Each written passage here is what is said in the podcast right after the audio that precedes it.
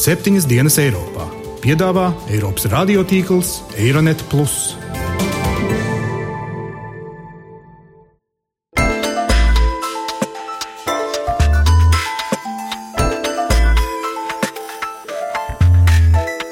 Šonadēļ septiņas dienas Eiropā dzirdēsim. It's been clear for years that Europe isn't reproducing itself. Imigrācija labvēlīgi ietekmē tautsamiesību. Iedzīvotājiem šis ir ļoti tiešs un konkrēts jautājums. Nu, mums ir tūlīt tās jārisina.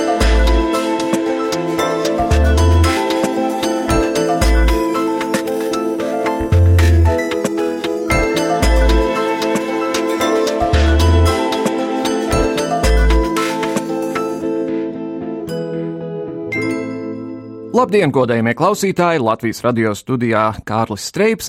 Klāt pirmdiena, atkal laiks raidījumam septiņas dienas Eiropā, kur apspriežam tos Eiropas un pasaules notikumus, kas skar arī mūs šeit pat Latvijā. Trešdienas ārkārtas samits Briselē nostādīja Centrāla Eiropas valdības pret Vāciju un Franciju dienu pēc tam, kad Berlīne un Parīze nepakļāvīgajiem austrumiem bija uzspiedušas jaunu bēgļu kvotas sistēmu. Čehi un Slovāki pēcāk pat draudēja ar boikotu un tiesāšanos. Viss, par ko valstu galvas samitā spēja vienoties, bija par bēgļu identificēšanas procesa pātrināšanu un centieniem bēgļu krīzi risināt ar naudas maka palīdzību, dalot miljonus un miljardus eiro starptautiskām palīdzības organizācijām un tranzītvalstīm, kas jau šobrīd uzņem miljoniem Sīrijas bēgļu. Visi ir vienprātis, ka samita iznākums nebija neapmierinošs, nepārliecinošs, un eksperti lēš, ka diemžēl visi tie paši jautājumi turpinās dominēt arī nākamo samitu pēc trim nedēļām. Tālāk šodien raidījumā spriedīsim, vai šī brīža migrācijas krīze ir cēlusi gaismā dziļāk iesakņojušos Eiropas Savienības politisko krīzi, un vai dalību valstu atšķirīgās reakcijas uz krīzi ir balstītas tuvredzīgā vai tālredzīgā politikā. Bet vispirms uzklausīsim dažus viedokļus par to, vai Katalonijas un Spānijas neatkarības konflikts būs nākamā Eiropas galvas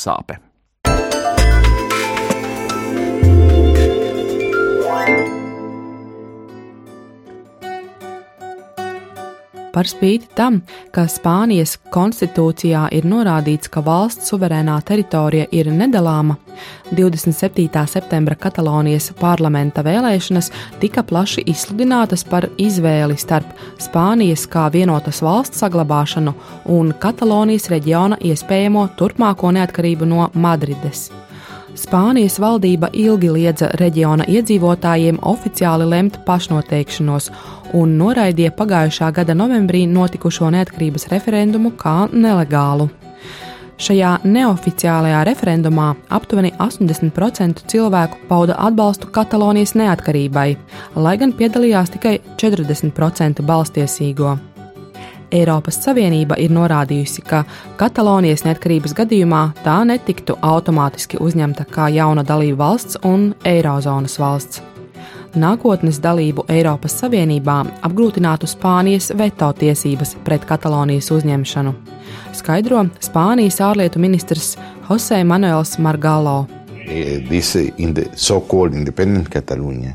Neatkarīgai Katalonijai nebūtu izredzi tapt atzītai ANO drošības padomē un ģenerāla asamblējā. Tā nebūtu valsts tādā nozīmē, lai to uzņemtu kā Eiropas Savienības dalību valsti. Tā būtu katastrofa Katalonijai, Spānijai un visticamāk Eiropas Savienībai kopumā. And a big disaster as well for Spain and probably for Europe as a whole. Katalonijas reģiona prezidents Arturs Mass uzstāja, ka Katalonijas neatkarība ir neizbēgama, pat ja ar Spānijas valdību nebūs vienprātības par neatkarības referenduma leģitimitāti un norisi.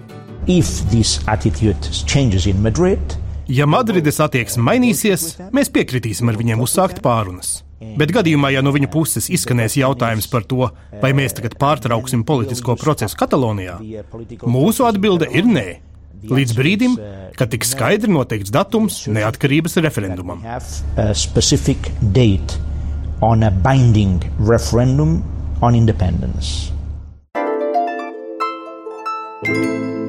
Pēdējā laikā bieži izskanējis jautājums, vai cilvēki, kas jaunās bēgļu kvotas sistēmas ietvaros tiks nosūtīti uz kādu no Eiropas Savienības valstīm, vienkārši nesapakos mantiņas un nepārcelsies fiksi uz citu pievilcīgāku Eiropas valsti. Otradien Eiropas iekšlietu ministru sanāksmē lēmumā tieši par šo ir rakstīts, ka tie, kas pēc sava statusa saņem starptautisko aizsardzību, būs tiesīgi uzturēties, strādāt vai pieprasīt pabalstus tikai tajā valstī, uz kuru tie tikuši pārcelti. Viņu pārvietošanās Eiropā tiks ierobežota, liegums pārcelties paliks spēkā uz pieciem gadiem, un tiem būs tiesības pārcelties uz citu valsti tikai, ja būs ieguvuši īpašu juridisku atļauju. Ja viņi tomēr pārceļas un tiek aizturēti, tad saskaņā ar Dublinas regulas noteikumiem tie tiks nodoti atpakaļ uz to valsti, kurā noteikta likumīgā uzturēšanās. Ja šie cilvēki šeit uzturēsies vismaz piecus gadus, tad jau visiem būs izdevīgāk, ja viņus integrēsim, iekļausim darba tirgu un ļausim tiem kļūt par pilntiesīgiem sabiedrības locekļiem, cik vien ātri iespējams. Vairāk par Eiropas valstu pārdomām par bēgļu iekļaušanu darba tirgu mana kolēģe Jāņa Kropa sižetā.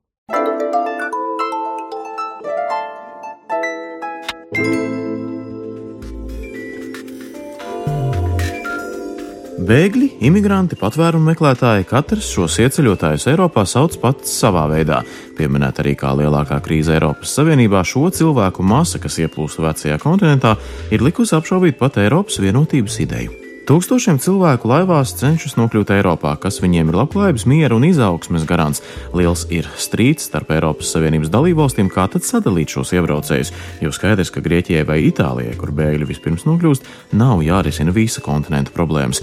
Kamēr nacionālajie politiķi kliedz par eiropiešu identitātes zaudēšanu, pragmatiskie vācieši jau ir atklāti pateikuši, labprāt paņems pie sevis 800 tūkstošus imigrantu, jo imigrācija taču vienmēr palīdz attīstīt arī tautsēmniecību vai darba spēka trūkumu trūkums Eiropā tiešām ir tik liels, to kādā diskusijā ļoti veiksmīgi izstāstīja laikraksta The Economist starptautisko ziņu redaktore Helēna Džoisa.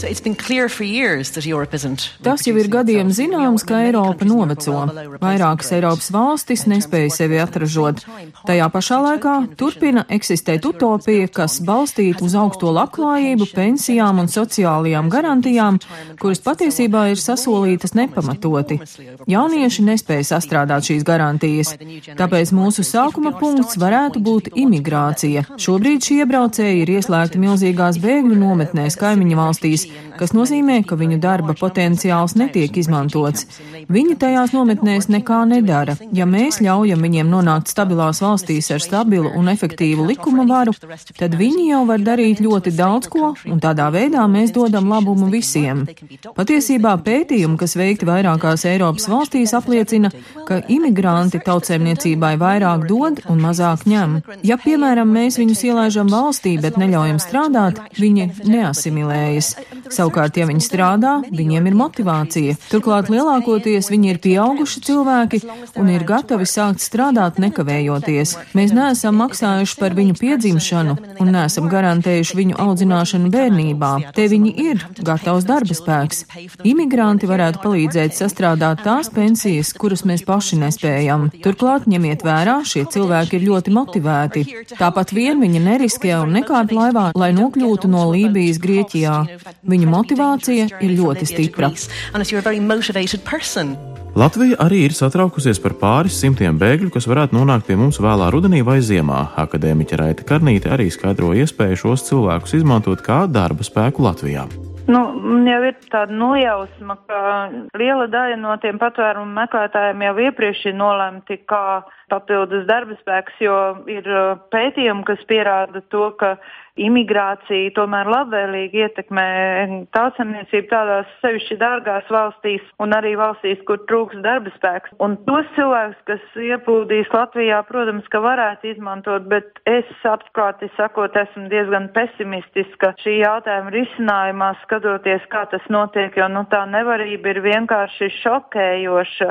Mums jāsaprot, ka viņi dzīvo šeit, un jo ātrāk mēs uh, sapratīsim, kā viņus integrēt mūsu sabiedrībā un kā viņus pievienot mūsu sabiedrībai, jo labāk. To, ka Latvijā ir lielas problēmas ar darba spēku, atzīst vairāk eksperti, gan ekonomisti, gan arī uzņēmēji. Latvijā ir pietiekami augsts bezdarba līmenis, bet motivācijas trūkuma dēļ vai arī kādu citu iemeslu dēļ objektīvā realitāte ir tāda, ka uzņēmējiem pašiem ir jādomā, kur atrast darba rokas. Viens no skaļākajiem paziņojumiem no uzņēmēja puses bija putnu fabrikas ķekava vadības sacītais, ka viņi labprāt savā ražotnē izmantotu imigrantu spēku. Fabrikas valdes priekšsēdētājs Andrius Pranskevičus atklāti stāsta, lai uz darbu ķekavā nogādātu vietējos darbiniekus, uzņēmums uztur septiņus mikroautobusu maršrutus, kurus tad par brīvu izmanto fabrikas darbinieki. Tuvumā esošā Rīga rada tik lielu konkurenci, ka zemākā līmeņa darbinieku rotācija esot milzīga. Ražojošie uzņēmumi cīnās par darbiniekiem kā vēl nekad. Actually, now, Mums tāpat kā visiem citiem ražojošajiem uzņēmumiem ir atklāts jautājums, kā risināt darba spēku trūkuma problēmu. Mums vienmēr pietrūks darbinieku, un mēs visu laiku tos meklējam. Tāpēc mēs arī esam atvērti jebkādām darba rokām. Šobrīd mums jau ir darbinieki, kas strādā fabrikā, bet kuri nav latvieši vai Latvijas pilsoņi. Mēs īpašas programmas ietvaros algojam Moldāvu strādniekus. Vēl mums ir ievērojama grupa Romu tautības strādnieku, kur jau vairākus mēnešus strādā. Protams, grūtības sagādā tas, ka mūsu kultūras atšķiras, bet no otras puses atšķirības nav arī tik lielas, lai nevarētu strādāt. Tik tālu var teikt, eksperiments ar Moldāvu un Romu piesaistīšanu ir izdevies. Teorija un praksa šobrīd parāda, ka imigrantu iebraukšana valstī ir pozitīva ekonomiskajai attīstībai, bet jautājums paliek, ko darīt tālāk. Līga Mendelsone, Latvijas darba devēja konfederācijas ģenerāldirektora, uzskata, ka valstī būtu jāpadomā, kā izveidot īpašu regulējumu tieši šai cilvēku daļai pirmā ziņa būtu tāda, ka ir jāizstrādās tāds regulējums, kas ir kaut kāds atsevišķs, kas līdzīgi tā, kas, kā teiksim, ir studentiem, praktikantiem vai, piemēram, savulaik bija simtlatniekiem, tad viņi ir kaut kāda atsevišķa grupa, kurai noteikti vajadzētu at, piemērot atsevišķu regulējumu, un lai varētu iedrošināt legāli uzņēmējiem viņiem piedāvāt arī darbu. Ja atmetam emocionālos apstākļus, tad raugoties no valsts ekonomiskās izaugsmes, imigranti ir pozitīvas izaugsmes vēstnesis.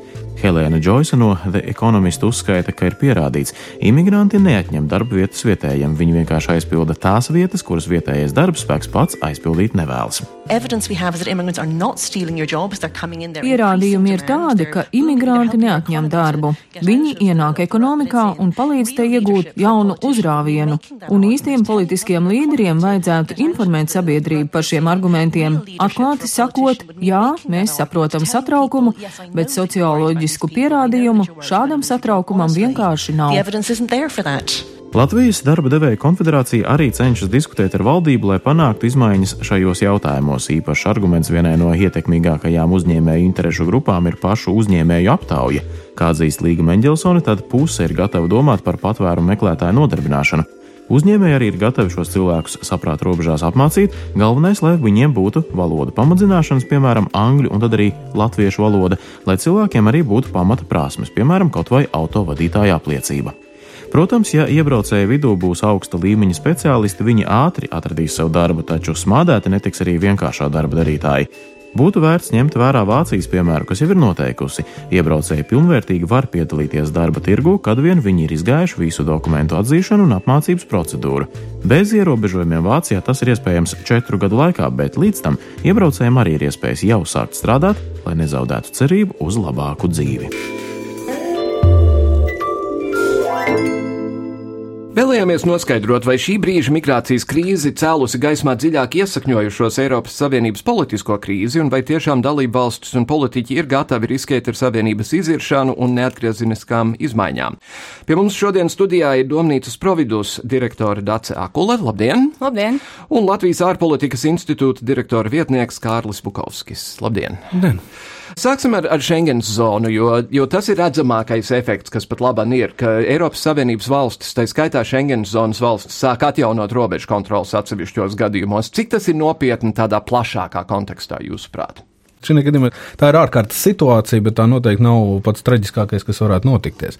Jo nu, šīs iespēja atjaunot robežu kontroli tomēr ekstrēmos gadījumos viņi ir tikus paredzēti, un tas ir pilnīgi normāli, ka šie ir izņēmumi gadījumi un ka šāda procedūra var tikt veikt. Es domāju, ka ilgtermiņā arī nu, Schengen zona tomēr ir pierādījusi sevi kā ļoti uh, vērtīgu Eiropas Savienības sasniegumu, un viņš ir šī gadījumā ne tikai pats par sevi jau simboliskā vērtība, bet arī tas, cik ļoti tas nodrošina cilvēku brīvu pārvietošanos pārvietošanos, preču kustību un tā tālāk, tad šī gadījumā šis princips tiks saglabāts. Viņš, protams, ka šī gadījumā ņemot šos apstākļus vērā un jautājums, cik ilgs šī migrācijas krīze, tad arī attiecīgi mēs redzēsim, ka atsevišķos gadījumos šī robežu kontrole var tikt arī atjaunota vienkārši tikai tāpēc, lai, lai panāktu papildus barjeras un papildus iespējas šo migrantu plūsmu reģistrēt un šo migrantu plūsmu tomēr regulēt viņas virzību. Piemēram, kad vienā dienā Minhenē ierodās 20 tūkstoši cilvēku. Un. Jā, tātad. Es piekrītu kolēģi teiktajam, bet tomēr es nebūtu tik nebažīga par to, kāda ietekme, negatīva ietekme uz Schengens nākotni tas varētu atstāt. Tāpēc, kā mēs redzam arī diskusijas dažādās sabiedrībās par iekšējās mobilitātes, Eiropas Savienības mobilitātes cilvēku, kas dzīvo citās valstīs, kā piemēram Latvieši, Īrijā vai Lielbritānijā, dažādām iekļaušanās problēmām un arī nevēlēšanos noteikto sabiedrību, vietējo sabiedrību pusē tādu lielu mobilitāti rezultāti pieļauti. Tas, Lielbritānija ko... gan nav Schengens zonā. Nav Schengens zonā, bet jautājums ir par šīm četrām pamatbrīvībām. Tas, ko Kārlis minēja par precēm un cilvēkiem, un Schengen ir to ļoti cieši saistīta, un diskusijas par migrāciju ir arī tagad, protams, ļoti sāsinājušās Pirmais, protams, patvērumu meklētāji un bēgļi, bet diskusijas par migrāciju dažādās sabiedrībās mums ir bijušas jau vairākus gadus pēdējā laikā par iekšējo mobilitāti. Tātad Eiropas Savienības pilsoņi, kas brauc uz citām valstīm, un mums ir jautājumi par to, cik viņi mums dod kā naudu, vai viņi vairāk grib dzīvot uz pabalstiem. Līdzīgs tēmas kā ar patvērumu meklētājiem tagad. Bet mēs par to esam jau runājuši vairāku gadu garumā, un nav izslēgts risks, ka ja mums nav pietiekami izsvērti lēmumi un pietiekami drosmīgi politiķi, un nav pietiekami pietiekams pieprasījums no sabiedrības pēc citiem lēmumiem, ka mēs varam apdraudēt arī Schengenu nākotnē. Jo mums ļoti grūti Eiropas Savienības vēsturē, ja mēs skatāmies, ir ļoti grūti nācis vispār šīs četras pamatbrīvības ieviest. No sākuma ir ļoti grūti bijis vispār pieprasīt, kā saka, akceptu no citām sabiedrībām, ka mums būs šī mobilitāte, iekšējā mobilitāte. Un ļoti grūti ir nācis šis te migrācijas, imigrācijas, patvērumu meklētāju politikas veidošanas sākums. Ja? Un tagad, protams, visi šie izaicinājumi es nebūtu tik optimistiski par to, ka es neredzu riskus. Protams, Schengen ir ļoti vērtīga. Mēs esam tik daudz ieguldījuši, tāpat kā Eirozonā. Mēs esam ļoti daudz ieguldījuši, un katru reizi ir jāuzdod jautājums, vai šie ieguldījumi ir atmaksājušies, un vai tagad ir laiks tos visus riskēt, mm -hmm. pazaudēt. Bet tas, ka nav risku, ka varētu būt tādas ilgtermiņa sekas arī uz iekšējo mobilitāti, es nevaru izslēgt, ka tādas ir. Jūs lietojāt vārdus drosmīgi politiķi. Tur mēs droši vien arī varam apstāties un teikt paldies un čau.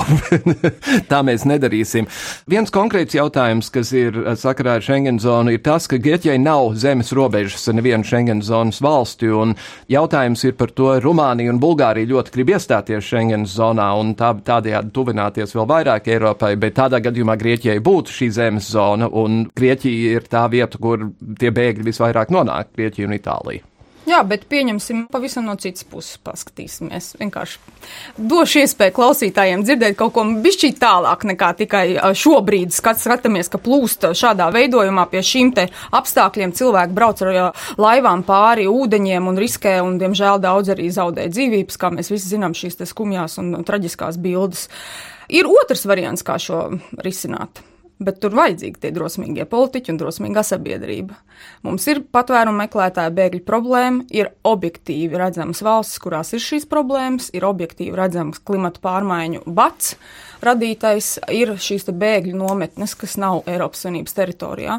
Ja mēs paskatāmies uz statistiku, kopš māja, kad Eiropas Savienība paziņoja, ka viņa nāks palīgā Itālijai, Grieķijai, kur ir šī lielā bēgļu patvērumu meklētāju un arī citu imigrantu plūsma. Viņus pārvietos uz citām valstīm. Kopš tā laika ir ļoti dramatiski palielinājusies tieši statistika.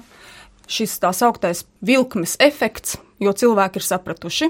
Mūs pārvietos no Itālijas uz Grieķiju, no Grieķijas uz citām Eiropas Savienības valstīm. Cilvēku tirzniecības visi šie tīkli ir sapratuši, ka ir vērts šo biznesu attīstīt, cilvēkiem prasīt naudu, lai viņus pārvestu no citām teritorijām ar laivām. Tam var pieiet arī savādāk, aizbraukt vienkārši pakaļ ar lidmašīnām uz šiem te patvērumu meklētāju bēgļu nometnēm, uz trešajām valstīm un viņus atlidināt, līdz ar to neliekot šiem cilvēkiem riskēt zaudēt dzīvību, neliekot mums ieguldīt tik daudz līdzekļus ārējās robežas stiprināšanā un neliekot Itālijai un Grieķijai un Maltai un dažām citām valstīm vēl arī šo te izaicinājumu ar to ikdienā mēģināt tikt galā, kā nu viņi spēj tikt galā. Kāpēc jūs nesat saimā? tā, ar tādu plānu. Bet tā nu ir taisnība. Tajās bēgļu nometnēs ir miljoniem cilvēku Jordānijā, Libānā, es esmu lasījis, ka ANO programmām, kuras ir atbildīgas par šādām lietām, budžets ir smagi, smagi, smagi zemāks nekā tam būtu jābūt, tāpēc, ka dalību valstis nav maksājušas. Cik lielā mērā Latvija piedalās šādā mēģinājumā risināt sakni tam jautājumam?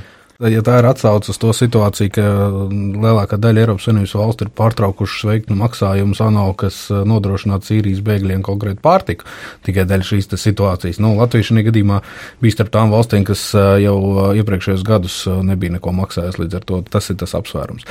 Bet, um, ja mēs nedaudz arī atgriežamies pie Dācis iepriekš teiktā, nu, šajā gadījumā noteikti ir jāpiekrīt pie tā, ka tiem risinājumiem ir jābūt daudz kompleksākiem nekā viņus mēs šobrīd redzam, un te ir tā lielākā problēma, ka nu, ļoti daudzām valstīm ir viedoklis, ļoti daudz daudziem cilvēkiem ir viedoklis, šis ir emocionāls jautājums, jo viņš ir ļoti tūs visiem, atšķirībā no kaut kādu tur līgumu, Lisabonas līgumu vai konstitucionālo līgumu risināšanas, kas ir. Kur vidējais iedzīvotājs nesaprot tāpat. Par ko arī runa? Tieši tāpatās eh, ekonomiskā krīze arī tik ilgi, kamēr tas neskar konkrēts cilvēks un arī viņi meklē tūlītais risinājums, viņi prasa no saviem politiķiem. Tieši tas pats ar Grieķijas krīzi, kas arī nu, nav īsti līdz galam skaidrs, kaut kur tālu, vismaz šajos platumgrādos, kaut kur tālu, kaut ko vajag, kāda ir tā situācija īsti līdz galam nav skaidrs. Tad šeit ir jautājums, kas ir visiem Eiropas Savienības iedzīvotājiem, šā brīža iedzīvotājiem šis ir ļoti tiešs un konkrēts jautājums. Nu, mums ir tūlītās jārisina. Un te nav runa tikai un vienīgi par to, ka mums šos cilvēkus ir jāuzņem, jo no humāna aspekta raugoties, jā, mums ir liela daļa no šiem cilvēkiem jāuzņem. Un, ja mēs paskatāmies arī kaut kā tīri elementāri no tādas nekļūšanas divkosīgiem, tad nu, es atvainojos, arī šajā valstī ir ļoti daudz ekonomiskie migranti bijuši, kas ir aizbraukuši citur. Un vai tas bija 90. gados, vai tas bija tagad, kad mēs iestājāmies Eiropas Savienībā, tam nav atšķirības. Un šajā gadījumā vienkārši nu, uzreiz teikt, ka tiklīdz ekonomiskais migrants tā uzreiz slikts vai uzreiz terorists vai vēl kaut kas, nu, tas ir ļoti neadekvāti un tā nevajadzētu runāt. Bet, ja mēs runājam par kaut kādiem risinājumiem, tad pirmkārt jau pilnīgi piekrīt atcerī par to, ka, nu, Te ir jāmeklē komplekss risinājums sadarbībā ar tām valstīm, kuros viņi nonāk vispirms.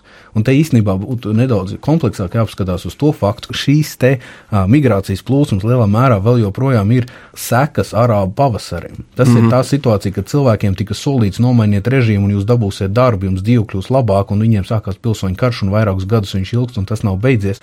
Un šajā gadījumā cilvēkiem vienkārši nu, sāk zust ticība, viņi ir vīlušies šajā procesā, un viņi, protams, ka dodas tālāk. Mēs atkal paskatīsimies atpakaļ uz 90. 90. gadiem Padomju Savienības sabrukums, cik cilvēki emigrēja projām no Padomju Savienības 90. gados. Mm -hmm. Arī tieši tāpatās uz rietumu valstīm.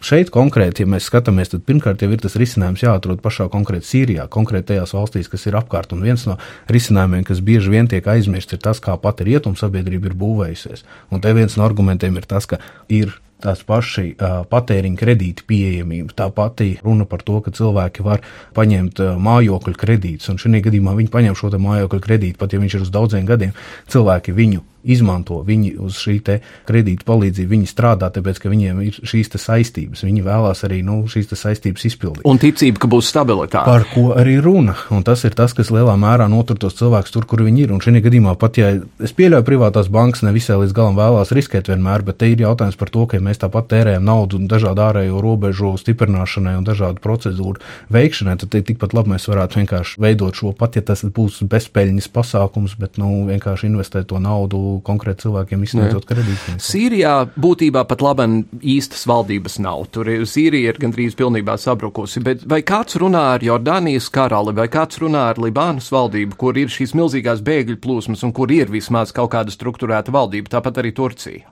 Protams, šajā gadījumā lielākā daļa Eiropas Savienības dalību valstu īstenībā ir izteikuši lielu pateicību Turcijai par to, ka viņi ir bijusi tā, kas ir pirmā uzņēmusi un vairākus miljonus cilvēku izmitinājusi, Turcija principā ir uzņēmusi lielāko nastu līdz šim brīdim šī kara rezultātā.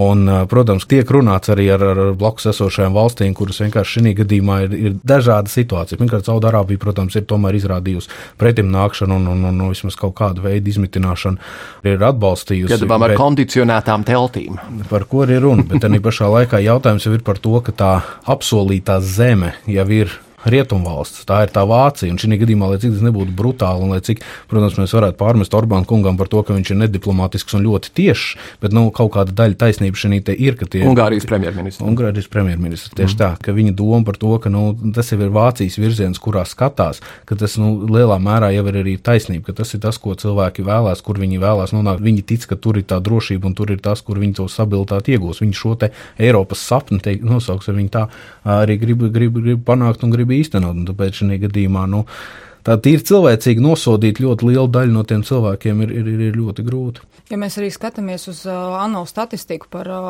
bēgļu un patvērumu meklētāju plūsmām, tad tas, ko mēs arī Eiropas Savienības puses esam teikuši trešajām valstīm, to lielo paldies par to nastu un to ieguldījumu, ko viņi ir uzņēmušies šobrīd jau palīdzot.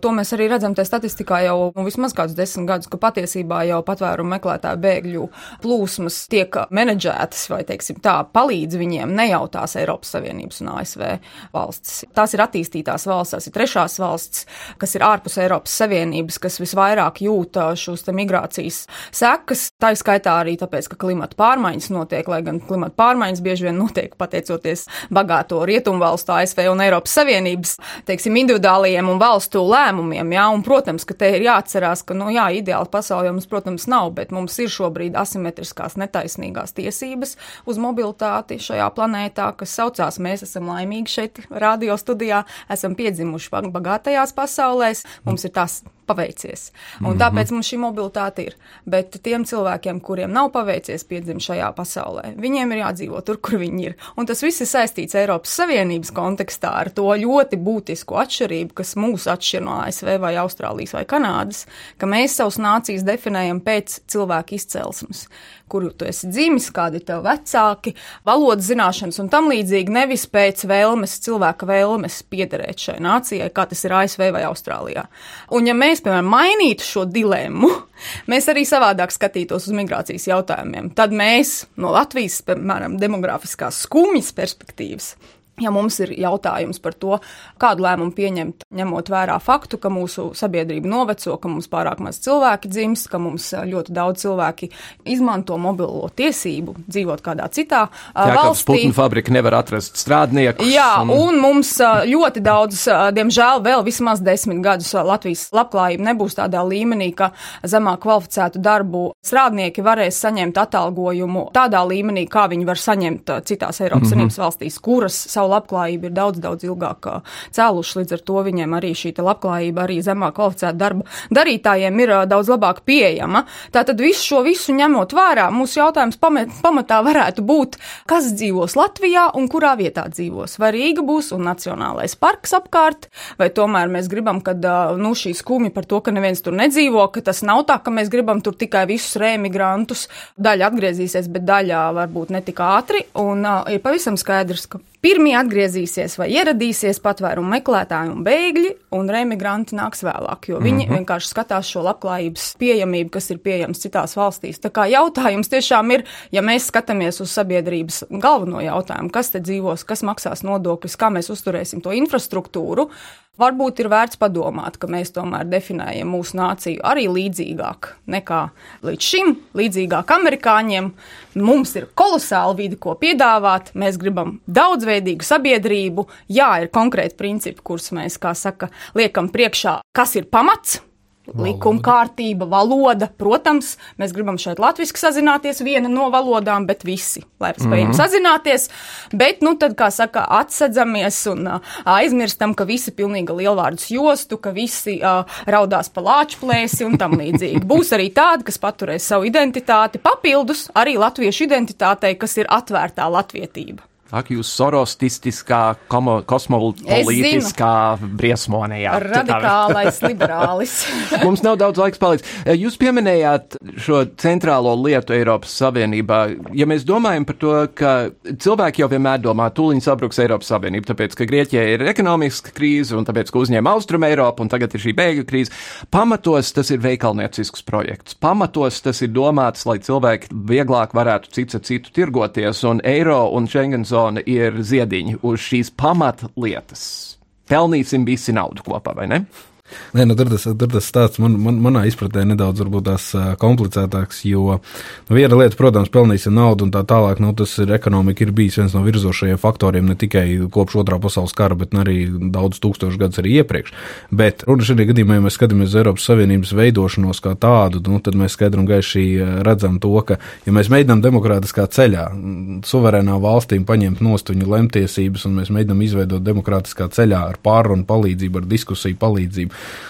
kaut ko līdzīgu vienotai valstī, tad nu, šie dažādie posmi, dažādie veidošanās elementi, kurus mēs esam piedzīvojuši katras krīzes apstākļos, un vienmēr tās krīzes ir bijušas tās, kas ir veicinājušas kaut kādu dziļāku integrāciju kaut kur, tad nu, šī gadījumā vai tās bija suverēno parādu krīzes, vai tas ir šī gadījumā bēgļu krīze, tas nemaina to, ka vienkārši Eiropas Savienība virzās uz šo tālāko integrācijas ceļu, pat ja viņš ir grūtāks un sarežģītāks un psiholoģiski komplicētāks, kā jau sākumā minēju.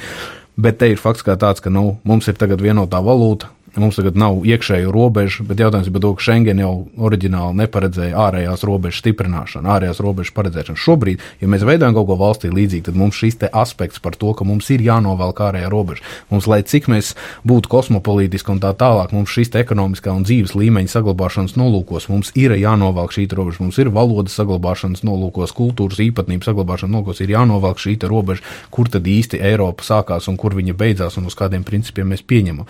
Līdz ar to šī gadījumā visa šī Schengens sistēmas pārveide, kas šobrīd notiekās, vai šī bēgļu sistēmas izveidošana beidzot, vai kā mēs viņu nosaukt, ka viņi lielā mērā viņai ir jābūt balstītai uz to, ka Eiropas Savienībai ir arī ārējā robeža. Tas mm -hmm. ir mhm. arī tas, ko Tuska kungs teica pavisam nesen. Es nezinu, vai atbildēt we, jā, sí, yes, vai kaut kādā citā veidā. Ar to arī, diemžēl, mums ir jābeidz mūsu raidījums Kārlis Bukovskis un Dācis Akola. Paldies jums abiem par sarunu. Paldies! Paldies. Latviešu dzinieks un dižgārs Imants Ziedonis reiz rakstīja: Es nezināju, ka manī ir tik daudz vietas tev. Līdz šim es savu dvēseli mēbelēju, sev, sev, sev, pats, pats, pats. Mēs septiņas dienas Eiropā zinām, ka mūsu dvēselēs ir vairāk vietas nekā domājam. Žurnālists un ANO bēgļu aģentūras konsultants Dīdzis Melbiksis skaidro, ar ko atšķiras bēglis no patvēruma meklētāja un kāpēc nevajag lietot jēdzienu nelegālais imigrants. Šie divi jēdzieni, patvērumu meklētājs un bēglis, ir cieši saistīti, jo patvērumu meklētājs ir cilvēks, kurš ir ieradies svešas valsts teritorijā. Tas ir pirmais pamatnoteikums. Ja? Viņš neatrodas savā valstī, un viņš ir vērsies pie šīs valsts varas iestādēm ar lūgumu piešķirt viņam šo bēgļa statusu. Nu, balstoties uz tādu eh, pieņēmumu, ka viņa mītnes valstī vajā vai nu pēc reliģiskās pārliecības, vai pēc etniskās piedarības, seksuālās orientācijas un, un tā tālāk. Un, attiecīgi, viņam nav droši atgriezties savā valstī. Un eh, varas iestādes tātad izskata šo pieteikumu, izvērtē, katrs gadījums ir individuāls, un tad vai nu šo statusu piešķir vai arī nepiešķir. Faktiski nu, visus šos cilvēkus kopumā varētu arī saukt par bēgļiem, un es gribētu arī uzsvērt to, ka uh, ANO bēgļu konvencijas uh, uzskatā par bēgli ir pieņemams cilvēks jau pat pirms šīs uh, formālās statusa atzīšanas. Tad, tad šis juridiskais moments ir tikai atzīšana, jā, ka valsts saka, jā, jā, mēs piekrītam, jūs esat bēglis, bet viņš jau bija bēglis jau kopš tā brīža, kad viņš pameta savu valsti. Uz migrantiem attiecas attiecīgās valsts imigrācijas likumi un politika, un tur valstu, protams, pieejas var atšķirties. Un ir svarīgi tiešām šīs kategorijas eh, nošķirt, lai nevienai, ne otrai netiktu atņemtas kaut kādas tiesības, kas viņiem pienākās. Savukārt, ja mēs runājam par šo kopējo nosaukumu nelegālie imigranti, Tur arī ir divas lietas. Pirmkārt, jau juridiski šāds termins neeksistē. Tāda nav nevienā likumdošanas aktā. Tāpēc tas ir vienkārši tāds, es teiktu, emocionāls apzīmējums, kuru ērtības labad izmanto mēdīji un politiķi. Bet otra lieta ir tāda, ka arī tas ir vienkārši necilvēcīgs eh, dēvēt cilvēku par nelegālu, ja, jo likuma pārkāpums nelegāla var būt darbība Nelegāls nevar būt cilvēks. Mēs nerunājam par nelegāliem žurnālistiem, nelegāliem policistiem, nelegāliem politiķiem, varbūt saimas deputātiem vai tam līdzīgi. Tāpēc, mēs labi saprotam, ka cilvēks jebkurā gadījumā viņš ir likumdošanas kaut kādā rāmī. Un arī cilvēks, kas ir pāršķērsojis robežu, neievērojot visus noteikumus, uz viņu attiecas šie likumi. Tāpēc jau arī viņu var sodīt, tāpēc jau viņu arī var izraidīt no valsts. Un šo terminu ir kā nevēlamu atzinuši gan dažādi politiķi daudzās valstīs, gan arī pat lieli un ietekmīgi mēdīji pasaulē. Un es domāju, būtu vēlams arī Latvijas mēdījiem vienoties kopīgi, ka šis termins nebūtu labs un lietojams. Ar to arī izskan šīs nedēļas septiņas dienas Eiropā, dāmas un kungi. Paldies, ka klausījāties. Būsim mierīgi par šo bēgļu lietu. Katrā gadījumā nekāda traģēdija tā nebūs. Līdz nākamajai nedēļai. Visu labu!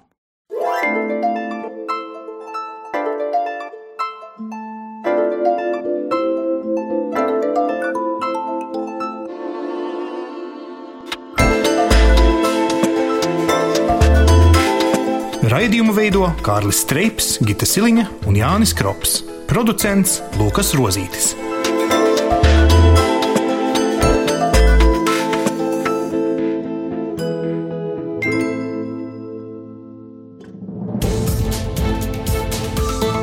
Visus Eironet plus sižetus un raidījumus meklējiet Latvijas radio mājaslapā.